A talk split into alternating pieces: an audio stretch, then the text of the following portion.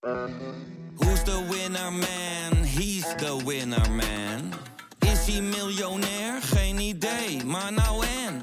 Je hebt geen jackpot nodig to be a winner man. Oh oké, dat is wel lekker man. Je rijdt dus door een oorlogsgebied op een, op een vellig, terwijl het keihard regent en overal pikdonker wordt. Nee, we durven niet te stoppen. En eh, ja, eh, Joep is nooit bang. Joep Vermans, de kamerman, die was nu ook echt bang. Via podimo.nl slash gonzo luister je de eerste 30 dagen gratis naar Podimo. podimo.nl slash gonzo. Volgens mij is het midden de afgelopen jaren ook veel te veel bezig geweest om eh, eindeloos met elkaar eh, te praten over wat gaan we doen en dan het compromis te verdedigen alsof het je eigen idee is. Dus het mag ook echt wel een ideeënstrijd zijn in het midden. Het midden betekent niet dat je het allemaal maar met elkaar eens Dus er bent. staan nog maar- steeds wel wat radicale dingen in dat verkiezingsprogramma. Zeker, ja, zo kent u D66 natuurlijk ook, dat wij durven te agenderen. Maar ook wel op basis van eh, wetenschappelijke inzichten, ideeën van anderen. Maar ook naar elkaar luisteren en soms ook zeggen... nou, de heer Bontebal of de heer Omzicht heeft eigenlijk ook best wel een goed idee. Zullen we dat dan maar eens proberen? En, en die houding heb ik de afgelopen jaren gewoon enorm gemist. Dit is Betrouwbare Bronnen met Jaap Jansen.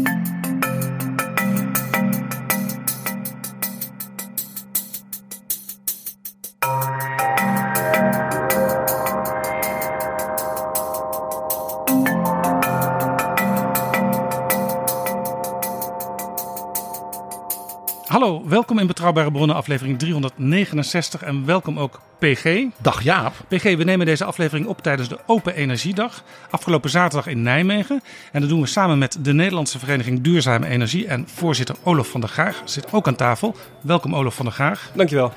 Maar de hoofdgast is de minister voor Klimaat en Energie. Tevens de lijsttrekker van D66, Rob Jetten. Hi, fijn dat we er zijn. En we zijn hier om precies te zijn in het Energiepark Nijmegen-Betuwe. Waarom zijn we hier, Olof van der Gaag? Dit is een eh, burgerinitiatief. Het zijn mensen uit de omgeving die graag meer duurzame energie wilden. Zij hebben samen vier windturbines hier neergezet. En aan de overkant liggen ook nog 11.000 zonnepanelen. Zodat je echt een heel groot deel van het jaar hier duurzame stroom voor de Nijmegers hebt. En andere mensen in de omgeving.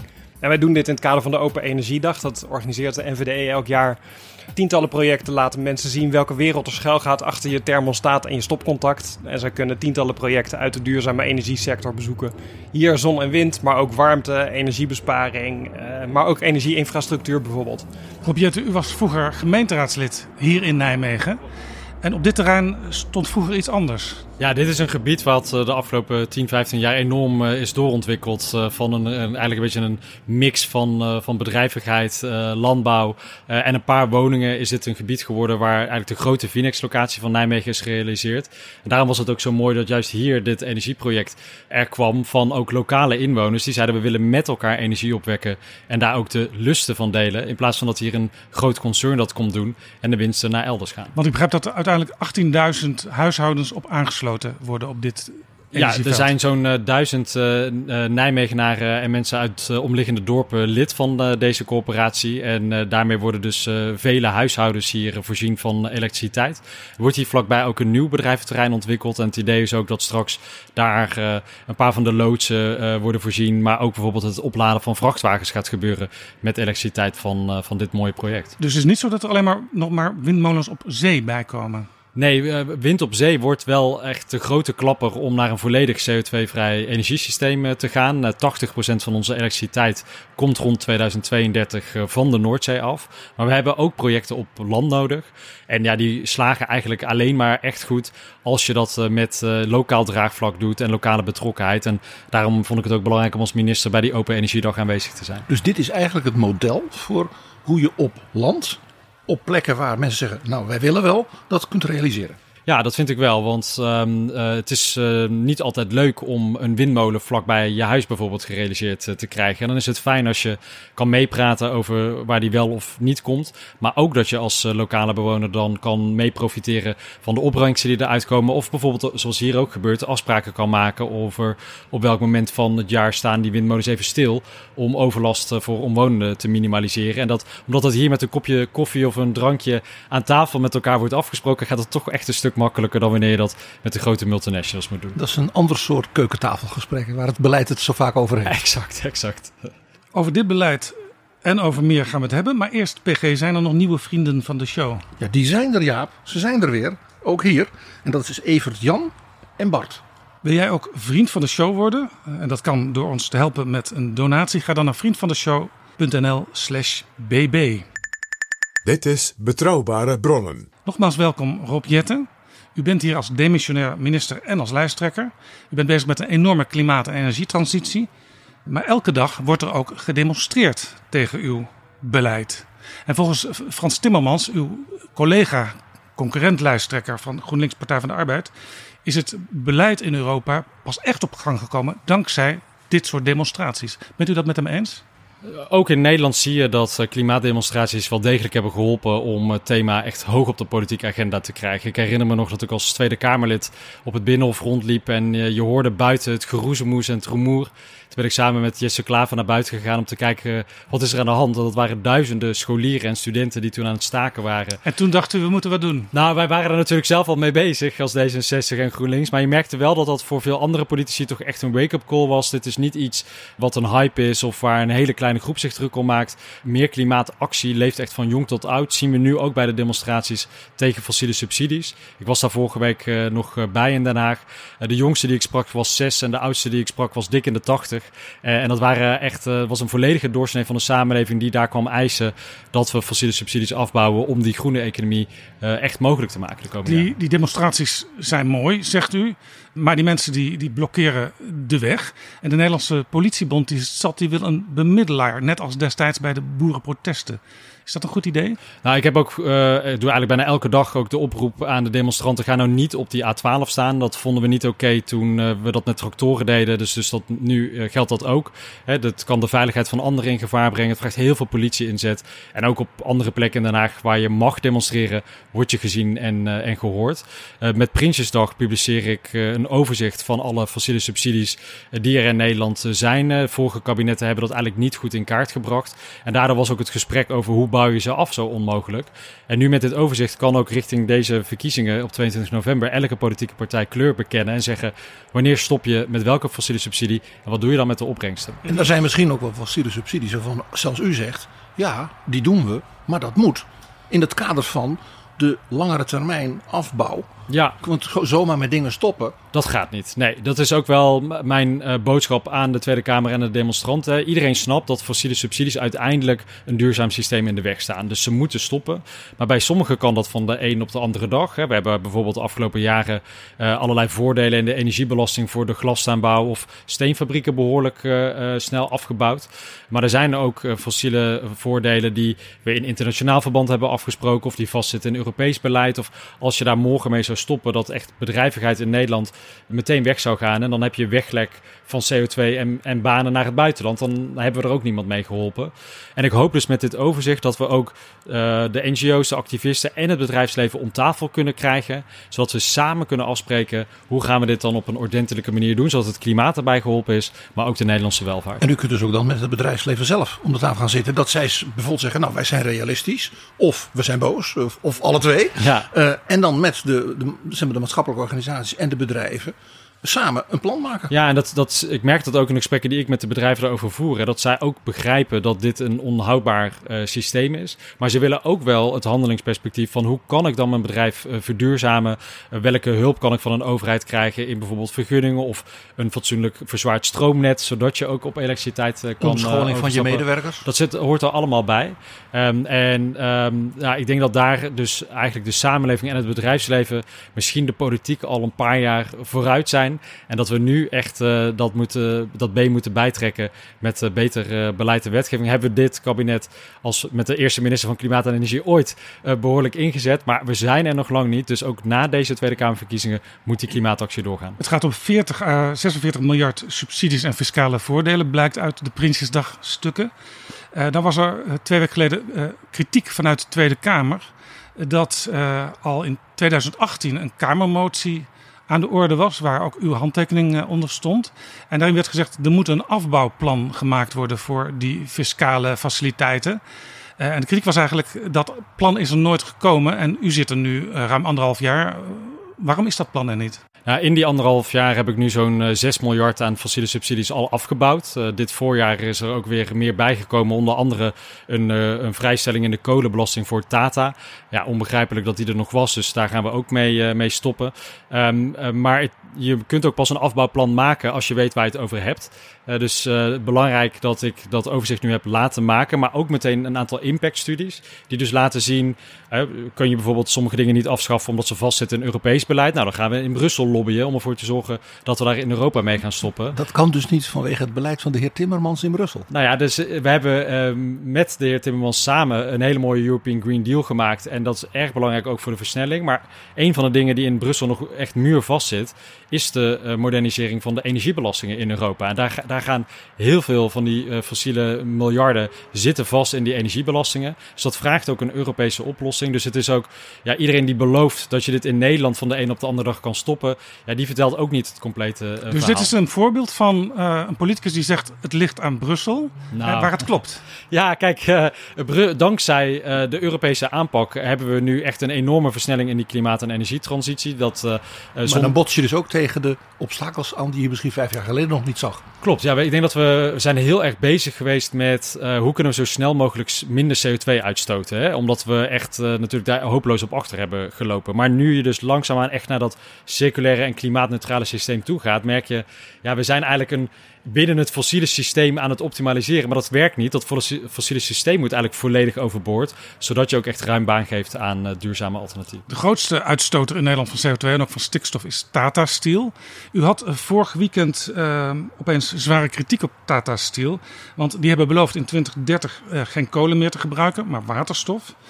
Twijfelt u of dat daadwerkelijk gaat gebeuren in 2030? Ja, kijk, wat je ziet bij Tata of bij de hoogovens is dat eh, daar eh, de trotse medewerkers eigenlijk op een gegeven moment aan de bel hebben getrokken en hebben gezegd: de plannen voor verduurzaming bij ons eigen bedrijf zijn niet goed genoeg. Enorme druk vanuit de ondernemersraad, vanuit de vakbonden om met een beter plan te komen. Tata belooft sindsdien: we gaan over naar groene waterstof. Maar ik heb nog steeds geen concreet plan gezien en zeker ook geen concrete investeringsbeslissing. En ondertussen verwacht het bedrijf wel dat we als overheid bijspringen met miljarden subsidies. Nou, dat gaat niet. Dus ik vind dat druk bij Tata moet worden opgebouwd. Staalproductie in Europa is cruciaal, zodat we niet afhankelijk zijn van import uit China, het Midden-Oosten of Amerika. Maar er is wel een eindigheid aan de social license to operate in slecht Nederlands. Eh, als je een bedrijf hebt dat zoveel negatieve impact heeft op het klimaat, op de directe leefomgeving, op de volksgezondheid. Dus ik heb gezegd, we willen heel graag Tata helpen bij de verduurzaming. Maar we zetten ook een stok achter de deur met een wettelijk verbod op staalproductie met kolen. En dan dwingen we eigenlijk eh, de Indiase eigenaren om een keuze te gaan maken. Want die bes- investeringsbeslissing die wordt niet genomen in IJmuiden. Klopt. Die wordt genomen in India. En dat gaat om een gigantisch bedrijf van hele rijke mensen. Het idee dat India een achterlijk land is, Nee, dat is helemaal voorbij. Ja. Eh, daar moeten sommige mensen in Europa erg aan wennen, merk ik vaak. Moet u niet gewoon eh, bijvoorbeeld in Dubai binnenkort met de bazen van Tata om de tafel gaan zitten? Misschien wel met meneer Modi. Op de klimaatconferentie. Ja, de klimaatconferentie die in de Emiraten is. Nou, eh, minister Adriaanse en ik zijn samen bezig met die maatwerkaanpak. Daarvan heb ik overigens ook gezegd, daar moeten we ook mee door om die 25 grote vervuilers te verduurzamen. Ehm, en wij hebben ook eh, als kabinet tegen de Indiërs gezegd, ja, eh, wij zien enorme voordelen voor eh, staalproductie in, in Nederland. Hè. De locatie IJmuiden met een eigen haven, et cetera. Het is perfect. Maar u moet wel eh, nu kleur gaan bekennen. En wat je merkt, eh, dat juist dit soort bedrijven hebben eigenlijk ook gewoon een overheid nodig die heel duidelijk zegt wat er van hen verwacht wordt, wat de spelregels zijn en binnen welke kaders ze die investeringsbeslissing moeten nemen. Dus een beetje een strenge rijksoverheid gaat ook helpen om die bedrijven de komende tijd gewoon keuzes te laten maken. Ja, meneer Modi staat bekend in India, is ook nogal streng. Kunt u niet met hem samen optrekken? Nou ja, ik, eh, we, we kunnen het proberen. Eh, de G20 is dit jaar natuurlijk ook in India. En ehm, je ziet dat de samenwerking tussen Nederland en India de afgelopen jaren behoorlijk is geïntensiveerd. En wij helpen bijvoorbeeld India nu ook met hoe je eh, windprojecten op grote schaal kan ontwikkelen. Eh, India helpt ons dan weer met allerlei nieuwe technieken rondom eh, nieuwe zonnecellen, batterijtechnologie en dat soort zaken. Dus er ligt ook een enorme kans om samen op te trekken. Want ik ben het wel met u eens. Het idee dat eh, ehm, eh, de Global South of de landen buiten Europa achterlopen op klimaatbeleid. Ja, jongens, dat is echt wel voorbij. Daar gaat het juist zo hard nu met investeringen en innovatie dat we moeten zorgen dat we met hun samen kunnen optrekken. Vorige week verscheen er een nota van uw partij D66. Uw naam staat er ook onder over schone energie. En daarin schrijft u dat we niet per se alle zware industrie in Nederland moeten willen houden. Wat bedoelt u daarmee? Kijk, wij hebben in Nederland uh, een economie kunnen opbouwen omdat we eindeloos goedkoop uh, Gronings gas hadden. En die tijd is voorbij omdat we voor de veiligheid van de Groningers uh, stoppen met die gaswinning. Eigenlijk zegt u in die periode alles kon, want we hadden genoeg energie. Ja, en dat heeft ons ook heel veel gebracht, heel veel welvaart gebracht, bedrijvigheid verspreid door het hele land.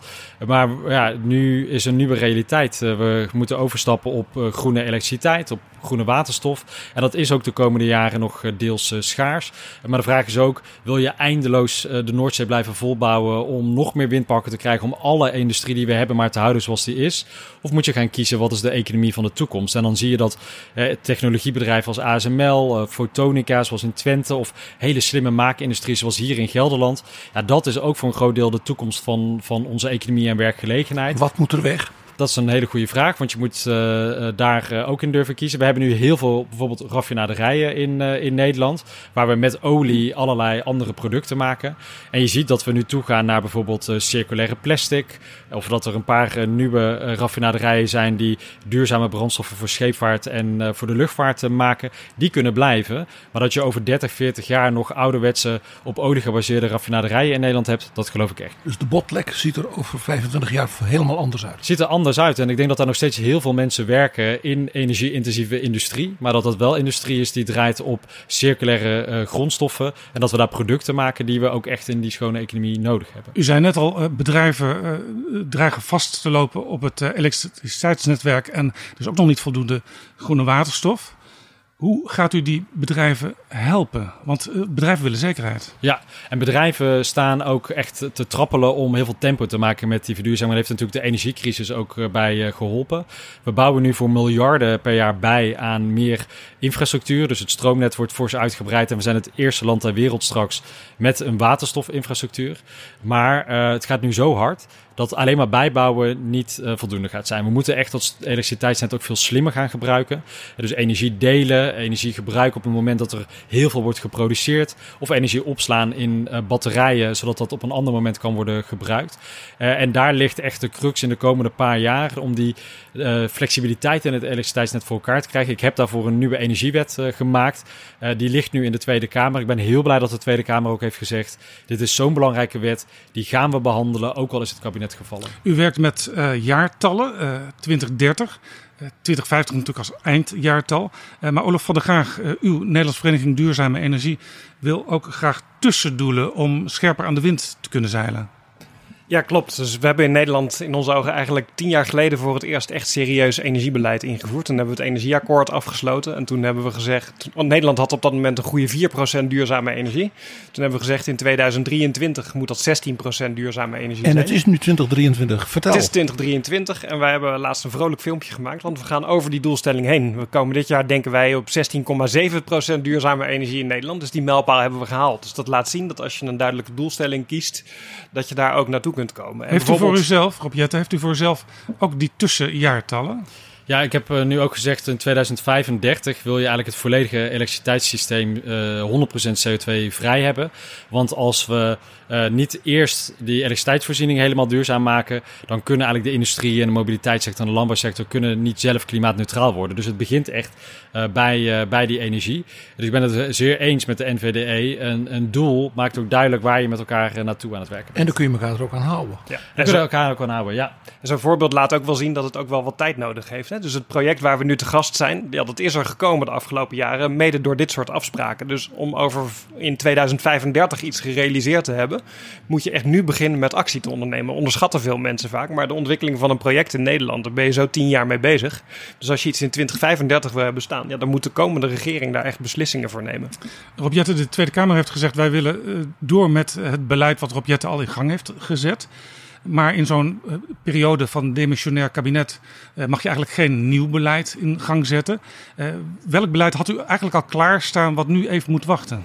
Nou, ik, ik, heb gelukkig in het voorjaar een heel groot uh, extra klimaatpakket uh, door de Kamer weten te loodsen. Dus heel blij dat we daarmee uh, verder kunnen. En dat pakket... Saved by the bell, hè? Saved by the bell, inclusief het klimaatfonds. Maar dat is echt nodig. Willen we in 2030 die 55 tot 60 procent minder CO2-uitstoot voor elkaar krijgen. En belangrijker vind ik nog, in dat klimaatfonds zit vooral ook veel geld om mensen te helpen hun huis te verduurzamen. Of MKB'ers te helpen om naar die elektrische warmtepomp over te stappen bijvoorbeeld. Um, het nieuw beleid, wat dus dus niet meer door mij kan worden gemaakt, in, de, uh, in ieder geval in dit kabinet, wat echt aan het volgende kabinet is. Hoe kun je nou klimaatbeleid nog veel beter koppelen aan uh, natuur-inclusieve oplossingen, aan biodiversiteit? Want um, we lopen op alle mogelijke manieren tegen de planetaire grenzen aan. En dat gaat dus niet alleen maar om CO2-uitstoot of de stroom die we gebruiken, maar gaat heel erg over welke grondstoffen benutten we nou voor alle producten die we aan hebben, waar we onze meubels van maken, waar we onze auto's van maken.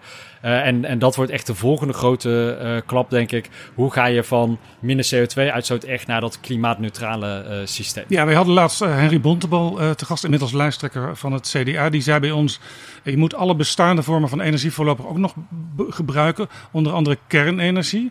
Dat was lange tijd taboe in uw partij, maar in het regeerakkoord heeft u ermee ingestemd dat er twee nieuwe kerncentrales komen. klopt het dat ik zelfs bij u inmiddels enig enthousiasme over kernenergie bespeur? Nou, ik, bij mij blijft het altijd uh, een, beetje een neutrale positie. En dat komt vooral door het kernafval, waar we dan ook uh, ja, generaties na ons mee uh, opzadelen. Dat vind ik uiteindelijk niet de meest ultieme duurzame oplossing.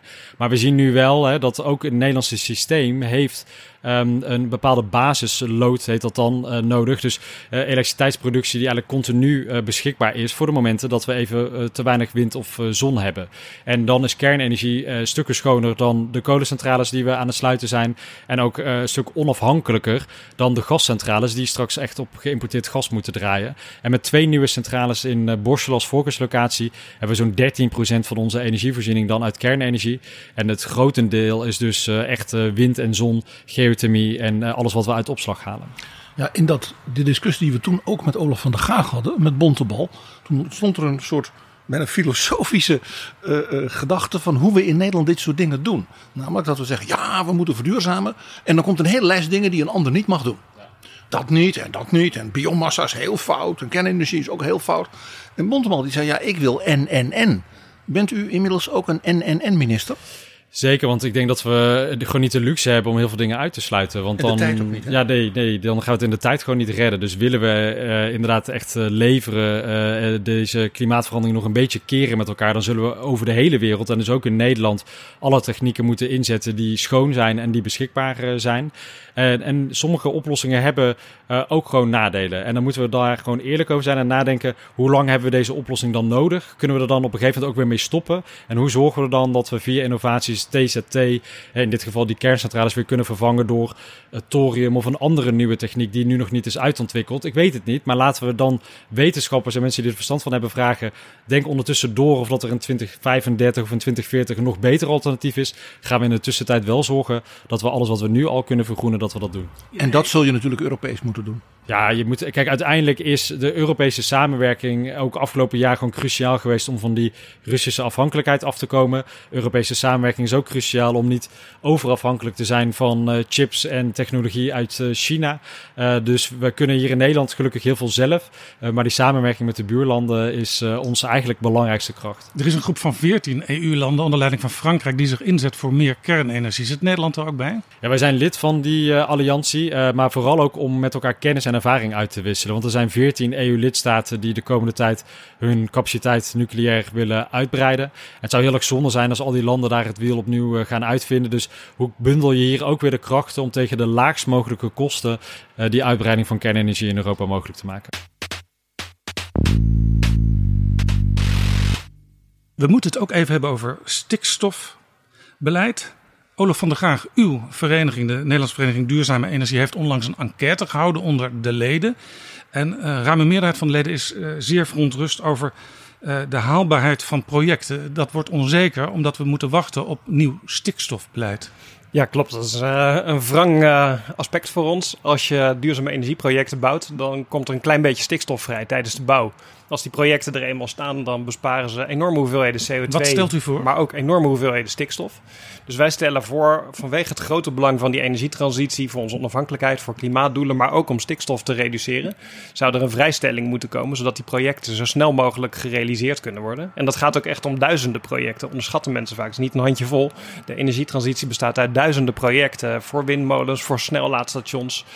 Als je uh, emissieloos wil bouwen, wat uh, Rob Jette van de week heeft uh, laten zien samen met Tennet. Hè, daar gaan ze met elektrische graafmachines het elektriciteitsnet versterken. Dat is fantastisch. Alleen zij moeten de accu's nog wel met dieselvrachtwagens heen en weer rijden. Omdat er nog niet sterke elektrische vrachtwagens zijn die dat aankunnen. Dus Rob dat... Jette, als een project leidt tot minder stikstofuitstoot, of helemaal geen uitstoot meer uiteindelijk dan moet dat gewoon neergezet kunnen worden. Daar kunt u het niet mee oneens zijn, denk ik. Nee, daar ben, ik het zeer mee eens. Uh, we moeten er natuurlijk wel voor zorgen dat het ook bij de rechter uh, stand houdt. Dus uh, daar zijn we nu volop mee bezig om die vergunningverlening voor energieprojecten, om die veel simpeler te maken. Want inderdaad, veel van die projecten leiden tot veel minder CO2-uitstoot en ook minder stikstofuitstoot. Dus het is eigenlijk een voorinvestering die je doet om onze hele samenleving gewoon schoner te maken.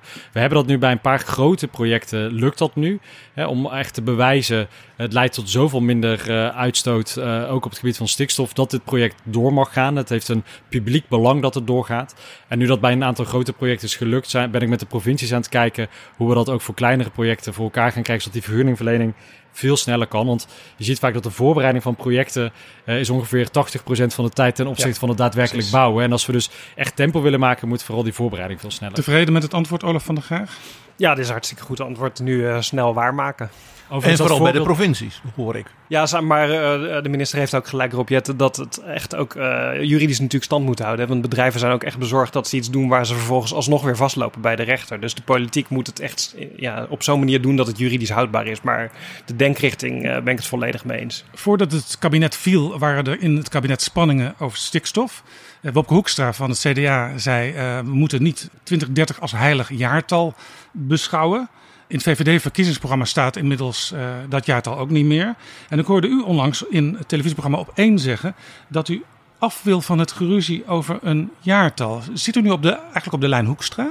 Nee, eh, dat niet. Eh, want het jaartal is ook niet eh, door mij of iemand anders bedacht in de politiek. Dat jaartal komt van wetenschappers en mensen die er verstand van hebben. Die zeggen, die uitstoot van stikstof moet in een bepaald tempo naar beneden. Wil je de natuur beter beschermen? En daarmee ook weer de vergunningverlening voor woningbouw, voor nieuwe stallen, voor nieuwe bedrijvigheid ook van de grond krijgen. Vorige maand zagen we zelfs nog uit cijfers van de Universiteit Wageningen dat het nog slechter gaat met onze natuur dan we al dachten. Dus de de druk om tempo te maken is alleen maar groter. Wat ik wel vind, we hebben nu ook in dit kabinet vooral heel veel lopen soebatten over uh, jaartallen en wat nou wel en wat nou niet. En ondertussen zitten agrariërs te wachten op de vraag, ja, hoe moet ik nou op een duurzame manier mijn boterham uh, verdienen? En de natuur is er eigenlijk ook nog niet vooruit geholpen. Dus we zijn heel veel tijd kwijt geweest aan politieke debatjes. We hebben heel weinig eigenlijk echt gedaan en uh, dat is nu wel de tijd om gewoon te doen. Ja, dus eigenlijk zegt u, het geruzie waar ik vanaf wil, dat slaat vooral op de afgelopen tijd. Ja, dat denk ik wel. En deze verkiezingen zijn ook wel uniek. Want voor het eerst sinds 2002 geen zittende premier op het eh, stembiljet. Allerlei nieuwe partijleiders. Dus we kunnen ook laten zien dat het anders kan. En dat we ook niet per se eh, moeten blijven hangen in eindeloze ideologische debatten. Of moeten wachten totdat we het perfecte plan hebben. Nee, als je gewoon weet dat bepaalde oplossingen kunnen bijdragen aan het verminderen van die stikstofuitstoot. Laten we dan in ieder geval daar alvast mee beginnen. En ondertussen de aanpak verbeteren. Over jaartallen gesproken. Het heilige jaartal uiteindelijk is natuurlijk 2050. Dat is waar u in de klimaatwet uh, naartoe werkt. Ja. Nou zegt uh, Frans Timmermans in zijn verkiezingsprogramma... in 2040 zijn we volledig klimaatneutraal. Hij zegt tien jaar eerder. Ja, ja en dat is denk ik ook internationaal uh, wel de beweging die je ziet. Hè. We hebben ooit rondom... Hè, als je, toen we het eh, klimaatakkoord van Parijs sloten, was 2050 een beetje het jaartal waar we op stuurden. Uh, maar we zien dat die klimaatverandering veel harder gaat. We zitten echt uh, ver boven uh, de 2 graden opwarming. je ziet overal op de wereld extreme weersomstandigheden toenemen. Dus er moet nog veel meer worden gedaan. En Europa is van oudsher natuurlijk het continent waar we veel hebben uitgestoten. Daar veel welvaart ook aan hebben gekregen. Maar we hebben nu ook de middelen om ja, meer klimaatactie te laten zien. Zodat ook bijvoorbeeld een continent als Afrika, waar de impact heel groot is, terwijl ze amper verantwoordelijk verantwoordelijkheid dragen voor die klimaatverandering. Laten we hen een beetje meer tijd geven en dan hier het gaspedaal Ja, nog harder in. Dus u zegt op dit terrein, Timmermans is, eh, zie ik als een bondgenoot. Staat dit nieuwe jaartal ook in het D66 Ja, dat verkiezingsprogramma komt vrijdag. Maar ik denk dat u zult zien dat eh, niet alleen PvdA GroenLinks, maar volgens mij ook Volt, Partij voor de Dieren, D66, ik denk ook de ChristenUnie, eh, nog wel iets ambitieuzer zijn in het jaartal dat we een klimaatneutrale samenleving Ja, willen nou zijn er heel veel mensen thuis die denken van ja, ik wil graag meedoen met al die nieuwe maatregelen.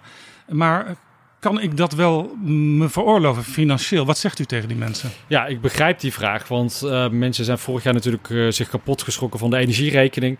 ehm, en willen wat doen. Ehm, als het niet voor het klimaat is, dan wel voor je portemonnee. Wat ook een hele goede reden is natuurlijk.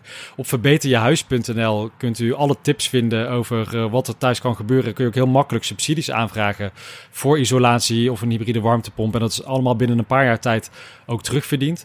Mijn zorg zit eigenlijk veel meer bij mensen in een huurwoning of mensen met een klein inkomen in een koophuis. eh, die hier gewoon niet zelf aan de slag kunnen en die meer hulp nodig hebben. Dus daarom heb ik ook met minister De Jonge besloten extra geld uit te trekken voor kwetsbare wijken en woningcorporaties. Zodat we juist op die plekken meer tempo kunnen maken met isoleren. En die kwetsbare wijken, daar bent u ook mee bezig, Olaf van der Graag. Ja, klopt. Wij eh, zien dat de verduurzaming in Nederland hartstikke snel gaat. Meer mensen dan ooit verduurzamen hun woning met warmtepomp, isolatie, et cetera. Alleen we zien ook wel dat het toch vooral de hoger opgeleide mensen zijn die goed de weg naar al die regelingen weten te vinden. En dat helpt natuurlijk ook, hè. Maar die mensen in die armste wijken, die liggen echt letterlijk wakker van de energierekening. Dus we zouden moeten slagen om het voor die mensen echt heel aantrekkelijk te maken. En wat wij tegelijkertijd zien, is dat het eigenlijk gewoon niet bij te benen is voor onze sector, de uitvoering.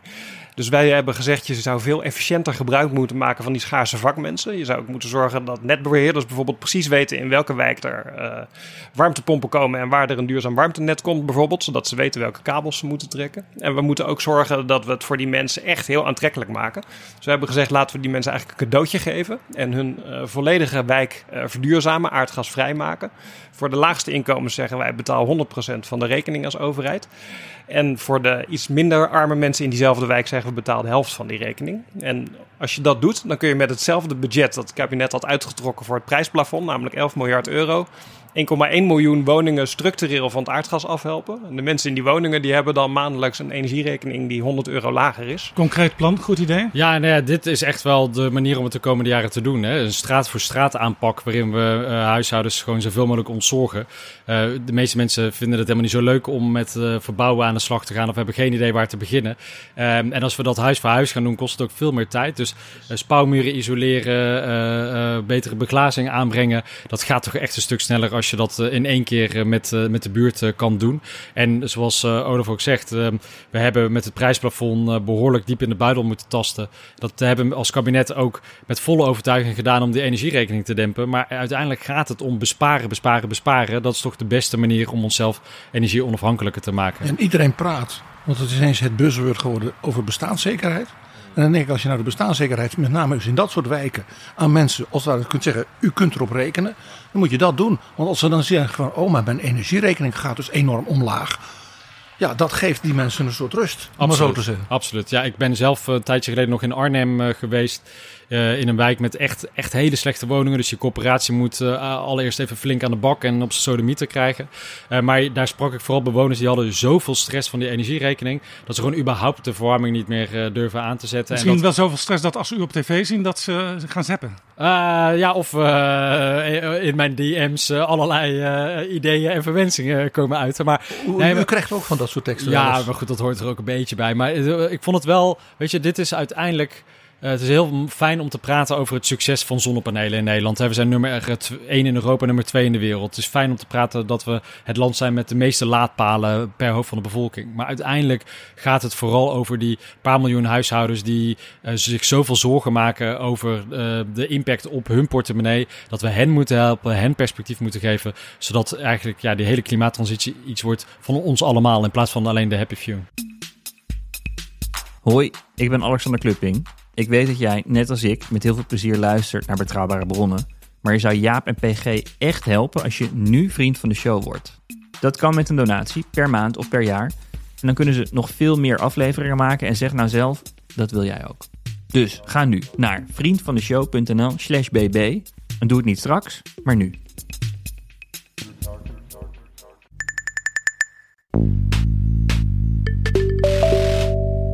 Dit is Betrouwbare Bronnen een podcast met betrouwbare bronnen.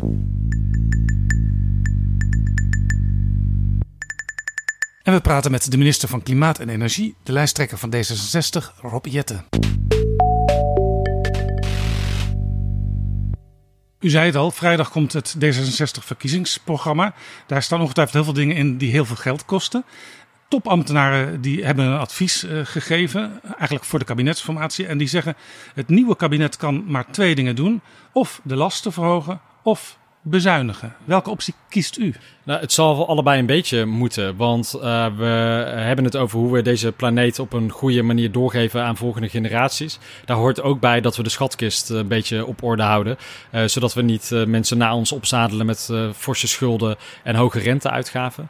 Dus we zullen moeten kijken, kun je bijvoorbeeld hè, door het afbouwen van fossiele subsidies, door het beter belasten van vervuiling, door het beter belasten van grote vermogens, ook meer belastinginkomsten binnenhalen. Maar ook kunnen we nog eens kritisch kijken naar wat de overheid allemaal doet. Want dat valt me wel op ook in de verkiezingsprogramma's die al uit zijn. Het gaat heel veel over herverdelen eh, van geld. Maar het gaat eigenlijk in bijna geen enkel programma, zelfs niet bij de VVD, over hoe gaan we dat geld dan verdienen. Dus je moet ook wel ervoor zorgen dat het eh, midden- en kleinbedrijf en het innovatieve bedrijfsleven ook echt wel hier wil investeren in Nederland. Omdat dat uiteindelijk de basis is voor onze welvaart en de inkomsten om bijvoorbeeld de zorg en het onderwijs te betalen. De verkiezingscampagne is begonnen. In 2021 uh, was de D66-leus nieuw leiderschap. up. Maar dat horen we nu niet meer. Is er dan nu sprake van oud leiderschap? Nee, zeker niet. Ik denk dat ik ook voortbouw op de koers die door Sigrid Kaag is ingezet. we hebben ook de afgelopen jaren, vind ik, hele mooie successen geboekt. Dus dat nieuwe leiderschap, dat moet nog komen? Nee, dat is er al. Want dat ziet u onder andere in een betere aanpak in Groningen. Onder leiding van Hans Velbrief. forse investeringen in het onderwijs. Dankzij Robert Dijkgraaf. Um, Gunay Oesloe, die de cultuursector weer een nieuw elan heeft gegeven. Dankzij de inzet van D66. Terwijl anderen aan de zijlijn bleven staan. Maar... U noemt mevrouw Ollongren niet. Nou, die is uh, dag en nacht bezig om onze defensieorganisatie weer op ik te bouwen. Zeggen, ja, ja, ja. Ik vind dat de heldin van het kabinet. Nou, dat vind en ik weet, mooi ik dat u dat geen D66, Nee, nee. dat is ook helemaal niet erg. Maar ik vind dat de heldin van het kabinet. Nou, dat vind ik mooi dat u dat zegt. Ik zal de complimenten aan haar overbrengen. Ja. Maar we moeten dus nu doorbouwen op wat we al in gang hebben gezet. En die uh, bestaanszekerheid gaat niet alleen maar over de hoogte van een minimumloon, maar ook over goed onderwijs, zodat je kansen kan krijgen om jezelf te ontwikkelen. Maar het gaat ook over een nieuw woord, heb ik deze week geleerd, voortbestaanszekerheid. Hoe zorgen dat we ook die klimaat- en natuurcrisis te lijf gaan, zodat dit ook nog een leefbaar land is. En dat is natuurlijk ook voor D66 een vraag hè, voor het bestaanszekerheid als we nu naar de peilingen kijken en naar de afgelopen statenuitslag. Nou ja, kijk, de peilingen zijn nu nog niet uh, zoals ik hoop dat de uitslag gaat worden. Maar ook in 2021 stonden we rond deze tijd uh, uh, niet lekker in de peilingen. En kwamen we toch met 24 zetels als tweede partij van het land uit de bus. En het is nog zo'n 10 weken tot 22 november. We gaan ervoor. Bij de vorige verkiezingen droeg u een trui klimaatdrammer. Maar die trui heeft u nu met het leger des heils meegegeven? Nou, dat is een, die trui is gemaakt van biologisch katoen en die zit heel lekker. Dus die heb ik af en toe thuis op de bank wel stiekem, aan. Stiekem of niemand kijkt. Ah. Maar ik heb wel gezegd inderdaad, die tijd van drammen is voorbij. Hè? Dus ik moet misschien een nieuwe kledinglijn opzetten met klimaatdoener erop. Want um, ik, ik hoor ook mensen echt onheilspellende verhalen vertellen over de wereld vergaat. En de wereld staat er heel slecht voor. Maar mensen in Nederland, ondernemers in Nederland willen vooral weten... hoe gaat de overheid me vooral helpen om die groene keuzes te maken. Dus laten we het vooral hebben over wat kunnen we nu gewoon gaan doen om het ook voor elkaar te krijgen. Ja, dat D66 van het dramimago af wil. Is dat ook de reden dat Thier de Groot wat gekukeld is op de kieslijst? Nee, je maakt altijd uh, een, een, goede mix tussen ervaren Kamerleden en een paar uh, nieuwe mensen op, uh, op de lijst. en ik ben heel Waarvan blij... er één al weg is. Waarvan al één weg is, ja, dat uh, is, uh, is uh, spijtig. Maar ik ben heel blij met de top 30 die we nu hebben. Uh, de Groot is als groot natuurliefhebber en voorvechter van de Waddenzee nu op, op nummer 11 helemaal klaar voor die campagne. Maar we hebben ook een paar hele interessante nieuwkomers, zoals Panzer Bamenga op nummer 6.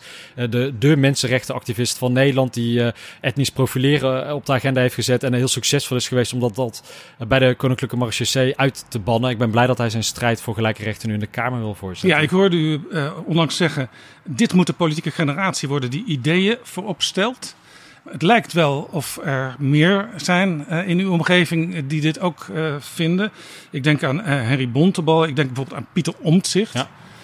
Dus het politieke landschap is echt wel veranderd in korte tijd. Ja, en ik, ik, heel eerlijk, ik voel me daar zelf ook veel prettiger bij. Ik eh, heb ook een tijdje als fractievoorzitter mogen rondlopen. En toen dacht ik nog van, ik moet meedoen aan dat politieke spel. Want dat is wat van je verwacht wordt. Nou, dat leidde bij, Scorebordpolitiek. ja, dat leidde bij mijzelf tot verkramping. Maar ook wel dat ik dacht van, ik vind het eigenlijk helemaal niet leuk eh, om eh, eh, in de politiek te zitten. Terwijl je doet dat vanuit idealen omdat je het land beter wil maken. U, u heeft ook in uw speech eh, bij uw aantreden Ja. gezegd. En het grappige was, dat was in zekere zin wat Bontebal ongeveer dezelfde dag zei. We moeten juist als partijen van het midden, de constructieve partijen, wij moeten het ideologische debat voeren. Ja. In plaats van dat aan de flanken men staat te schreeuwen Ja. en het midden technocratische verhalen zit te houden. Zeker. Hoe gaat u dat doen? Ja, de, kijk, volgens mij is het midden de afgelopen jaren ook veel te veel bezig geweest om eh, eindeloos met elkaar eh, te praten over wat gaan we doen en dan het compromis te verdedigen alsof het je eigen idee is. Dus het mag ook echt wel een ideeënstrijd zijn in het midden. Het midden betekent niet dat je het allemaal maar met elkaar eens Dus er bent. staan nog steeds wel wat radicale dingen in dat verkiezingsprogramma. Zeker, ja, zo kent u D66 natuurlijk ook, dat wij durven te agenderen. Maar ook wel op basis van eh, wetenschappelijke inzichten, ideeën van anderen. Maar ook naar elkaar luisteren en soms ook zeggen... nou, de heer Bontebal of de heer Omzicht heeft eigenlijk ook best wel een goed idee. Zullen we dat dan maar eens proberen? En, en die houding heb ik de afgelopen jaren gewoon enorm gemist. Organiseert u niet gewoon een debat met een paar van die mensen van het midden, met elkaar, over wat, waar sta jij nou eigenlijk voor ideologisch? Ja, dat is een heel goed idee. En dat, eh, ik ben ook met een aantal lijsttrekkers dat aan het bespreken. Van moeten we niet gewoon per onderwerp gewoon ergens een keer een uur gaan zitten.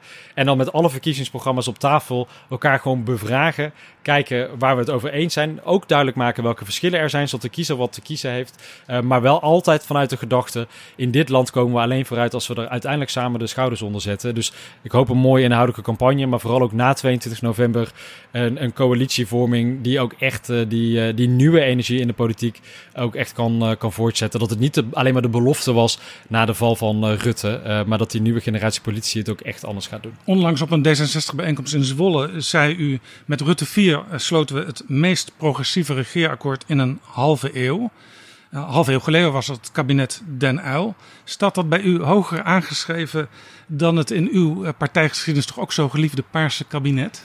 Nou, dat heeft ook echt wel heel veel goeds gebracht, die paarse kabinetten natuurlijk. Maar het was dus niet zo progressief. Nou, dat was zeker ook heel progressief. Dus misschien had ik in plaats van een half eeuw 30 jaar moeten zeggen. Maar vergeef mij, ik ben slechts 36. Dus eh, soms zit ik een beetje mis eh, met, eh, met de jaartallen. Maar U was ehm, er eigenlijk een beetje in de greep van de mythes rond het kabinet Den en vergat van Meerloos Paars. Ja, ja nou, dat, dat, en, en Els Borst in, in Paars 2 heeft natuurlijk ook hele belangrijke dingen gedaan. Maar dit, dit- die, die scheidslijn tussen progressief en conservatief gaat nog een hele interessante worden bij deze verkiezingen. Want het is druk in het politieke midden, maar eh Omzicht bijvoorbeeld heeft echt wel hele andere ideeën over individuele vrijheden dan dat ik die heb. Waar maakt u zich zorgen over bij Omtzigt? Nou, ik heb hem de afgelopen jaren bijvoorbeeld weinig eh, eh, ehm, zien pleiten ook voor Europese oplossingen voor bijvoorbeeld migratie, klimaat en economische problemen. Ehm, ik vind dat hij vrij conservatief heeft gestemd als het gaat om het recht op abortus en, en, en dat soort hele belangrijke grondrechten die er ook in Nederland zijn. Dus we vinden elkaar echt op die betrouwbare overheid, eh, bestaanszekerheid, democratische vernieuwing. Maar als Maar het dan het verschil- in, invullen aankomt, dan heeft u nog wel een appeltje met hem te schillen. Nee, absoluut. En daar eh, zit er dus echt wel een groot verschil tussen D66 en het nieuw sociaal contract. Ja, op uw lijst, de D66-lijst, staan maar twee bewindslieden, u en Hans Veilbrief. Waarom maar twee? Ehm, we hebben een, denk ik, ontzettende goede kabinetsploeg. Want eh, we hebben ook bijvoorbeeld gewoon een eh, hele goede hoogleraar gehaald om onderwijsminister te worden. Of een hele goede arts om volksgezondheidsminister te worden. Ze Maar zijn gewoon te goed voor Kamerlid. nou ja, maar nee, niet te goed. Maar het Kamerwerk neem ik zo serieus, ook als oud-Kamerlid, dat ik eh, ook zeg, niet iedereen is ervoor geschikt. En een goede bestuurder... u wil Robert Dijkgraaf niet aandoen dat hij Kamerlid wordt. Dat is wat u zegt. Ik denk dat Robert Dijkgraaf heel goed is als voorvechter van het mbo, de universitaire eh, eh, wereld eh, en het wetenschap. Maar dat hij in de Kamer misschien wat minder uit de verf komt. Dus misschien wil hij nog een keer minister van Onderwijs Nou ja, worden. die vraag moet ik dan stellen. Welke bewindslieden die er nu zijn, zijn beschikbaar voor een volgend kabinet? Nou, ik denk bij D66 eh, eh, bijna allemaal. Eh, dat zijn namelijk mensen die bijvoorbeeld Dijkgraaf en, en Kuipers... die hele mooie banen in hun vakgebied hebben opgegeven... omdat ze zeiden, het moet echt eens een keer anders met dat beleid. En Ernst Kuipers, om die er even uit te lichten... ik ben zelf zo moe van het mantra van Rutte... dat we het beste zorgstelsel ter wereld hebben. Dat is zo'n onzin.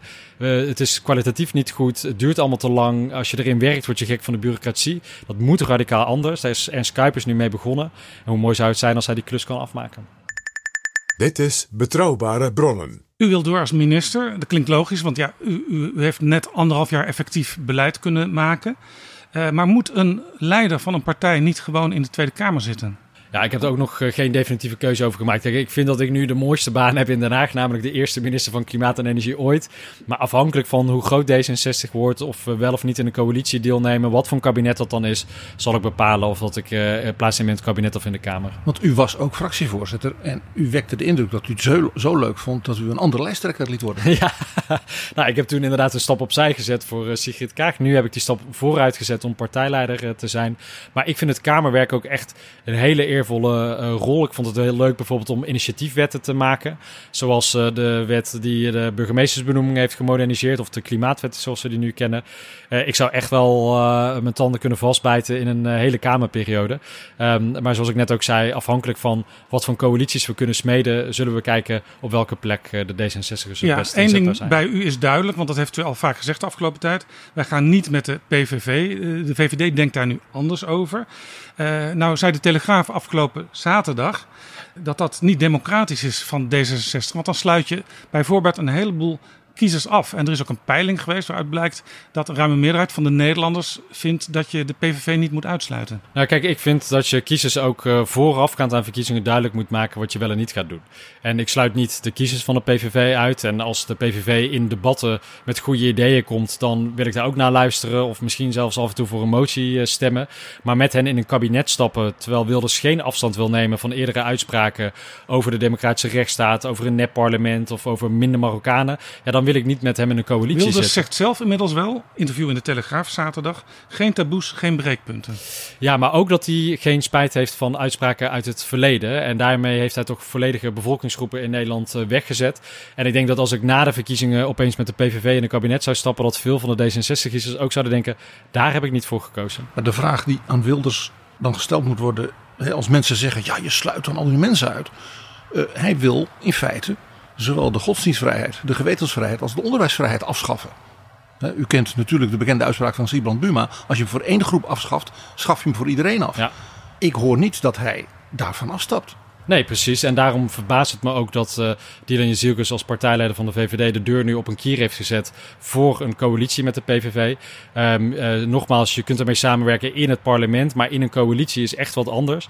En nou, ik hoop dat mevrouw Jezielkes nog een keer die brief van Rutte wil lezen, waarin hij destijds Wilders vroeg om afstand te nemen en duidelijk te maken waar hij nu voor staat als het om dit soort grondrechten Vindt u gaat. dat kiezers voor de verkiezingen moeten weten met welke partijen uw partij D66 uh, bij voorkeur wil gaan regeren? Nou, u, zoals u weet, D66 is eigenlijk ook voorstander van meerdere stemmen op verkiezingsdag. Zodat je ook als burger invloed hebt op wie er uiteindelijk in het uh, torentje komt. Maar dat hebben we nu niet. Dat hebben we nu nog niet. Ik kan me wel voorstellen dat als deze campagne uh, verder gevorderd is en we die inhoudelijke debatten ook echt hebben gehad en weten waar iedereen staat, dat het dan richting die verkiezingsdag ook een interessante vraag wordt. Wat zouden nou logische combinaties zijn om na 22 november samen te werken? Maar dat vind ik eerlijk gezegd nu nog te vroeg. Omdat ik dus ook van heel veel partijleiders nog niet precies weet hoe ze in een aantal belangrijke thema's. Maar ik denk wel dat u blij moet zijn met de komst naar Nederland van Frans Timmermans, uh, die vaak de klimaatpauze wordt genoemd. U wordt dan de klimaatkardinaal genoemd. U dat zit in zijn curie dus. nou ja, kardinalen houden het vaak langer vol dan pauze. Dus dat is, uh, weet ik als katholieke jongen. Maar um, nee, kijk, ik ben, heel, ik ben heel blij dat we veel meer groene lijsttrekkers hebben. Hè? Ook bijvoorbeeld Henry Bontebal bij het CDA. Want het was soms ook wel eenzaam voor D66. Uh, als je tegen VVD en CDA moest knokken op uh, meer uh, klimaatactie. Um, en een, uh, hoe groter het progressieve kamp wordt, ja, hoe meer we uh, naast de bestaanszekerheid en klimaat- en natuurbeleid ook echt wel kunnen blijven werken aan die individuele vrijheden en rechten die ja. Wereldwijd Esther Ouwehand blijft ook meedoen. Ja, dat, uh, zo ziet het er naar uit. Uh, dus dat betekent veel uh, groene lijsttrekkers en veel lijsttrekkers die kansengelijkheid belangrijk vinden. U was één keer eerder in Betrouwbare Bronnen. Toen was u fractieleider. En toen zei u, ik wil eigenlijk af van dichtgetimmerde regeerakkoorden. Toch is het droeve lot van politieke leiders die zoiets zeggen... in de praktijk dat er altijd weer een nieuw dik regeerakkoord ja. komt. Gaat dat deze keer echt anders? Kijk, de vorige keer was zo'n dramatische kabinetsformatie die negen maanden heeft geduurd, dat de, een, een gedetailleerd regeerakkoord eigenlijk nog de enige manier was om er überhaupt uit te komen. Um, helaas. Uh, tegelijkertijd zag je toen ook de oorlog in Oekraïne brak uit ongeveer. Drie weken nadat het kabinet was aangetreden. Ja, toen kon ongeveer de helft van het coalitieakkoord wel weer een update gebruiken. Dus dat onderstreept nogmaals hoe verstandig het zou zijn om iets meer op een waardeniveau een regeerakkoord op hoofdlijnen te sluiten. Maar of dat vertrouwen ook aan elkaar wordt gegund, zal helemaal afhangen van de zetelverdeling en welke partijen aan tafel komen Dus zitten. op waardeniveau een aantal basisafspraken maken. En dat zou je dus dan weer. Ik dram er even lekker door. Ik, ben, ik, ik ben nu een keer de drammer. dat zou dus het punt kunnen zijn voor dat, ik zal maar zeggen, ideologisch debat van het midden. Ja. Van wat zijn dan die waarden waarvan we met alle meningsverschillen, en dat is leuk, dat is niet fout, dat is leuk meningsverschillen. Die zeggen, maar daar gaan we het wel samen mee proberen. Dus geen nexit, maar we hebben in Europa samen wel voor Ja. Oekraïne. En laat dan maar een goede eh, minister eh, dat beleid verder uitwerken. En 150 Kamerleden gewoon hun werk doen. Die kunnen namelijk elke week dan met elkaar die mooie debatten voeren. Eh, en het kabinet controleren. En dan de verdere invulling van die hoofdafspraken ook, eh, ook vormgeven. Dus dat zou denk ik heel verfrissend zijn. In, hè, het is afgelopen jaren veel gegaan over een nieuwe cultuur in Den Haag. Maar met dezelfde mensen aan tafel was het toch best moeilijk om die oude cultuur te, te doorbreken. Die kans ligt er nu wel. Dus ook een lossere verhouding wat u betreft eh, met de Tweede Kamer. Ja, en ik gun ook de Tweede Kamer, want dat zeg ik ook nu als minister, maar vooral hè, vanuit mijn ervaring als oud eh, Tweede Kamerlid. Ehm, eh, de machtspositie tussen kabinet en Kamer is zo ongelijk geworden. En de Kamer is met zoveel spoeddebatten en detaildiscussies bezig. Maar dat doet de Kamer zelf. Hè? Ja, maar dus dat, daar kunnen wij dus ook als politieke partijen voor zorgen dat die Kamer zich weer echt gaat focussen op een aantal ja, hoofdvragen en hoofdthema's. Zodat je als minister altijd weer bibberend naar de Tweede Kamer gaat. Omdat je weet, ik word hier behoorlijk goed aan de tand gevoeld. En ik denk dat dat de afgelopen jaren toch onvoldoende het geval is geweest. Olof van der Graag, we zitten hier op de Open Energiedag. U heeft meegeluisterd naar alles wat de minister heeft gezegd. eh, Vooral ook op het klimaat- en energie-thema. Wat is uw recensie? Bent u tevreden met wat u hoorde? Zal ik even weggaan? Nee, ik eh, maak er geen geheim van dat ik grote bewondering heb voor het werk dat eh Rob Jett als minister van Klimaat en Energie heeft gedaan. Ik denk dat we de afgelopen anderhalf jaar meer dan ooit hebben gedaan voor de energietransitie. Eh, we gingen er altijd vanuit dat onze energie eh, betrouwbaar en betaalbaar was en dat dat een gegeven was. En dat bleek opeens ook nog eens niet zo te zijn. Dus iedereen dacht de uitdaging is om een betrouwbaar, betaalbaar systeem ook nog duurzaam te maken. En toen kwam Poetin. En toen kwam Poetin en toen had Rob Jetten opeens eh, een drievoudige uitdaging op zijn bord liggen. En dat heeft hij geweldig gedaan, vind ik. Ook met een hele prettige persoonlijke stijl. Ik had ontzettend te balen toen het kabinet viel. Hoe was dat, meneer Jette, om die kolencentrales weer te openen en te roepen: hoera, kolencentrales? Nou ja, Want u had er hier in Nijmegen een gesloten, toch? Zeker. eh, maar dat, eh, kijk, ik was echt wel minister in crisistijd. Hè? De vraag was niet alleen eh, hoe houden we de energierekening betaalbaar, maar ook hebben we überhaupt voldoende gas om de winter door te komen. Ja, dan moet je soms voor de korte termijn pijnlijke maatregelen durven nemen om leveringszekerheid te garanderen. Maar ondertussen dus ook zorgen dat we dan heel snel het alternatief hebben. En gelukkig hebben die kolencentrales uiteindelijk heel weinig aangestaan, omdat we zoveel wind- en zonne-energie hebben geproduceerd dat we op sommige dagen zelfs echt een enorm stroomoverschot hebben gehad het afgelopen jaar. Dus dat laat ook wel zien hoe hard het nu de goede kant op gaat. Misschien tot slot nog één korte vraag aan Olof van der Graag. Het D66-verkiezingsprogramma komt eraan, maar we weten ongeveer nu wat daar de lijn is op het terrein van klimaat en energie. Als u naar de andere verkiezingsprogramma's kijkt die er al zijn, wat zijn uw gedachten dan? Nou, het valt me op dat de VVD een bijzonder serieuze eh, klimaat- en energieparagraaf heeft. Zij zeggen eh, wij willen 85% CO2-reductie in 2040. Dus dat is echt heel stevig. En ze zijn ook concreet in wat ze daarvoor willen doen. Het CDA heeft ook echt een serieuze groene toon in zijn programma. ChristenUnie, eh idem, eh, PvdA, GroenLinks ook. Dus ik zie heel veel ambitie. Ik zie wel ook soms dat de partijen met heel veel ambitie tegelijkertijd heel veel dingen benoemen die ze niet willen. En die twee die gaan volgens mij niet samen. Als je heel veel ambitie hebt, dan moet je vooral heel veel ja willen zeggen. En Dus dat en, en, en, de- dat en, en, en debat dat moet dus nog een keer gevoerd worden. Ja, en dat zal dus voor een deel ook heel hard gaan. Want de energiesector, de elektriciteitssector en de industrie zullen in 2039 door Europees beleid al emissieloos moeten zijn. Dus dat is na 15 jaar nadat dit kabinet is begonnen. Nou, dat betekent niet dat we er al zijn, want we hebben ook nog de woningen, de, de auto's, de vrachtwagens, et cetera. De, de stallen te verduurzamen. We gaan heel ver komen, maar we zullen hopelijk politieke partijen straks zien die positief met elkaar gaan uitruilen. Oké, jij wil heel graag dat realiseren, bijvoorbeeld windmolens op land. En ik wil heel graag een kerncentrale. Nou, laten we dan tegen allebei ja zeggen. In plaats van dat we zeggen: oké, we doen jou nee en we doen jou nee. Laten we proberen te zorgen dat de politieke partijen elkaars ja's omarmen. Want we moeten zoveel dingen naast elkaar doen om een kans te maken om die ambities waar te maken. Rob Jette, u noemde straks al eh, NSC van Pieter Omtzigt, waar u wat twijfels had bij het programma. Een andere partij die natuurlijk mee gaat doen, misschien ook in de kabinetsformatie, is BBB. Die hebben het verkiezingsprogramma al klaar. Wat dacht u toen u dat programma las? Vooral uh, de vraag hoe wil mevrouw Van der Plas dit allemaal gaan betalen? Uh, want uh, het ontbreekt aan een goede financiële paragraaf en een doorrekening. Dus hier zitten denk ik wel heel veel beloftes in die uiteindelijk niet allemaal kunnen. tegelijkertijd, ik ben nu bijvoorbeeld als energieminister ook een ronde langs alle provincies aan het doen. Waar nieuwe provinciebesturen zijn aangetreden. Daar tref ik ook regelmatig een BBB-gedeputeerde. En daar zit ik met hen samen ook wel echt in de actiestand van hoe gaan we dit met elkaar voor elkaar krijgen. Dus ook daar is de NNN-discussie eigenlijk een hele relevante. Ja, dus maar toch wil dat... BBB in het programma een aantal dingen waar u uh, heel duidelijk in bent, uh, juist afzwakken of zelfs afschaffen. Uh, ja, nee, ja, dus we, er zijn inderdaad hele duidelijke verschillen. Dat is de afgelopen jaren denk ik voor iedereen ook heel, uh, heel helder geweest. Um, uh, maar ook hier laten we die ideeënstrijd met elkaar aangaan. en zien waar we op 22 november met elkaar staan. Ja, en wat mij opviel in dat programma was alle dingen die u zei van wat we Europees met de buren moeten doen. Ja, dat, daarvan zei BB dat hoeft niet. We gaan terug naar een soort Euro Europese gemeenschap van kolen en staal. Ja. En wat, wat handelsakkoorden en dan is het verder wel oké. Okay. Ja, kijk, er zijn hele grote uitdagingen waar we voor staan als, als land. Hè, over onze veiligheid, onze welvaart, ons klimaat, noem het allemaal op. Ik ben dan niet van de school dat vroeger alles beter was en dat we vooral oplossingen uit het verleden nodig hebben. Ik ben wat dat betreft een wat optimistischer mens. Ik denk dat we echt nog een veel mooiere tijd uh, tegemoet gaan. Maar dat lukt wel alleen als we ons niet verstoppen achter de dijken, maar met open vizieren die uitdagingen te lijf gaan. Rob Jette en ook Olaf van der Graag mag ik u beiden hartelijk danken voor dit gesprek. Ik heb nog een vraag aan de heer Jette. Wanneer springt u op die tafel? Nou, uh, ik ben niet zo soepel uh, op de dansvloer als mevrouw uh, Kaag is. maar ik hoop op een hele mooie uitslag. De 22e gaan daar heel hard campagne voor voeren.